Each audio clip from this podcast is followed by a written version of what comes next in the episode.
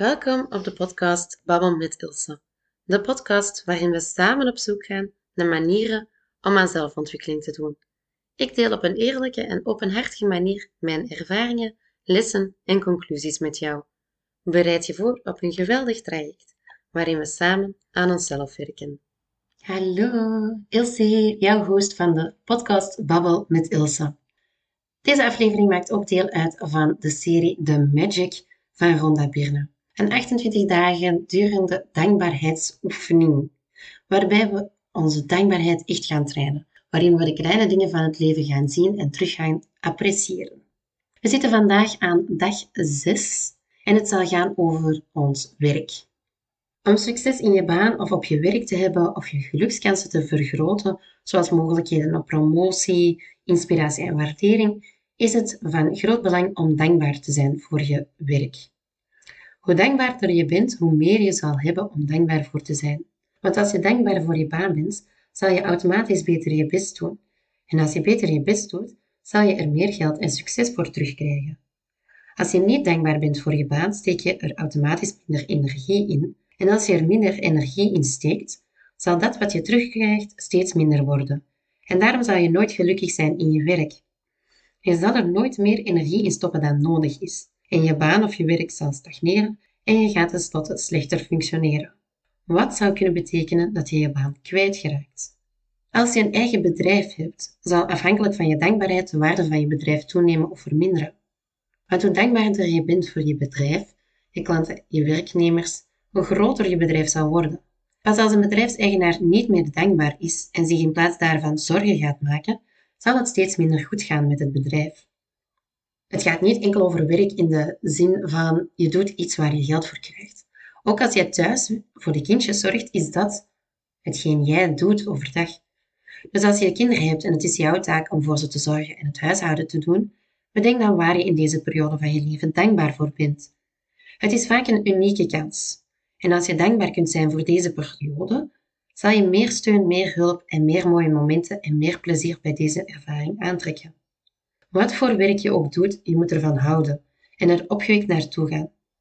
Met minder kan je eigenlijk geen genoegen nemen.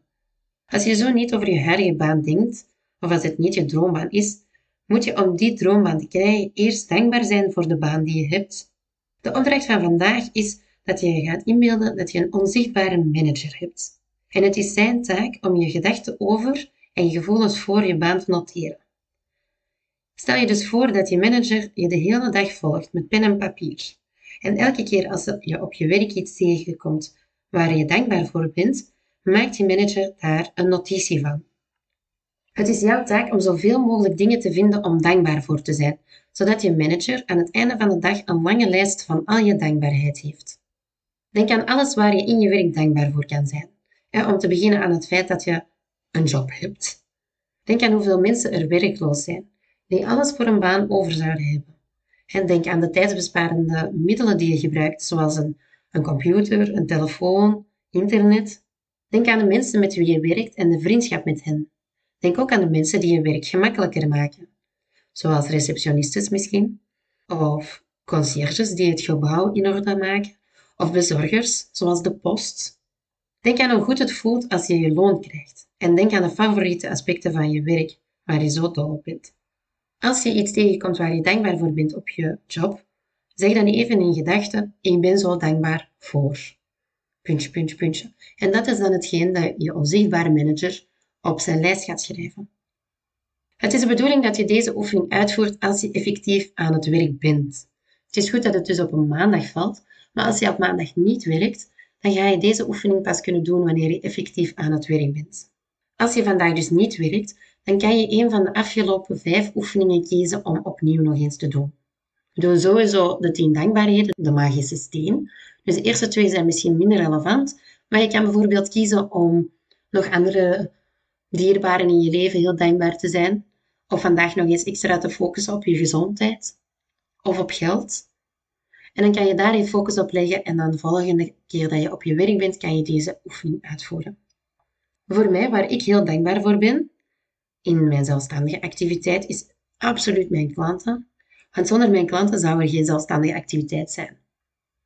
Ik vind het heel fijn dat ze naar mij toe komen om samen te sporten en het vertrouwen in mij leggen om hier te komen sporten. Ik ben ook heel dankbaar voor mijn vrijheid. Ik kies zelf wat ik doe en wanneer ik doe. Ik heb hier zelf de keuze in. Niemand die mij zegt wat ik wel en niet mag doen. Ik ben ook heel dankbaar voor de uitdaging die mijn job met zich meebrengt. Als zelfstandige moet je zelf de keuzes maken. Moet je ervoor zorgen dat je voldoende inkomsten krijgt. En dat vraagt wel vaak uit mijn comfortzone treden. Maar het zorgt er ook wel voor dat ik groei. Ik heb als bediende gewerkt en als ik zou moeten nadenken over de voordelen als bediende, dan zou ik bijvoorbeeld zeggen de collega's. Ik vond het heel fijn om collega's rondom mij te hebben, om een klein babbeltje met hen te doen en om vriendschappen te sluiten.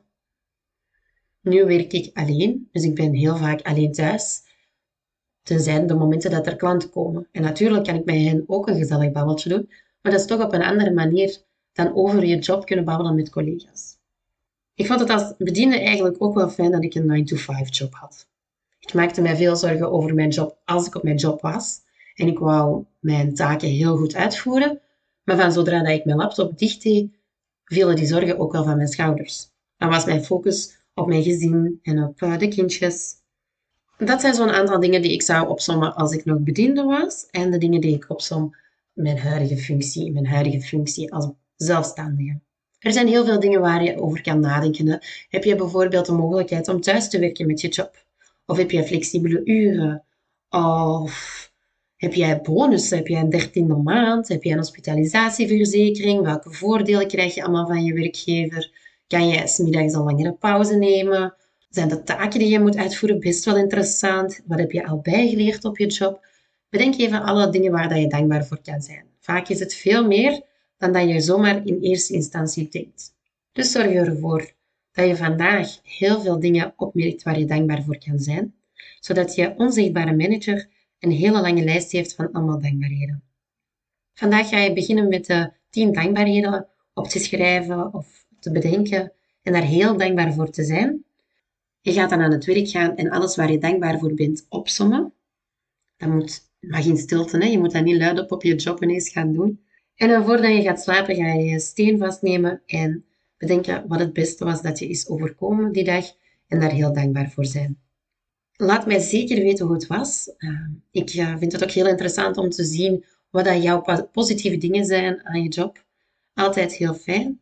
Als je dit allemaal interessant vindt en je wilt me aanraden, zeker doen. Ik ben dan heel dankbaar dat je dat doet. Volg mij ook zeker op Instagram. Ik zit op @ilsekolkens. Kijk naar de show notes als je niet goed weet hoe dat je moet schrijven. En ik wens jou echt een fantastische dag toe met heel veel positieve elementen op je job. Succes!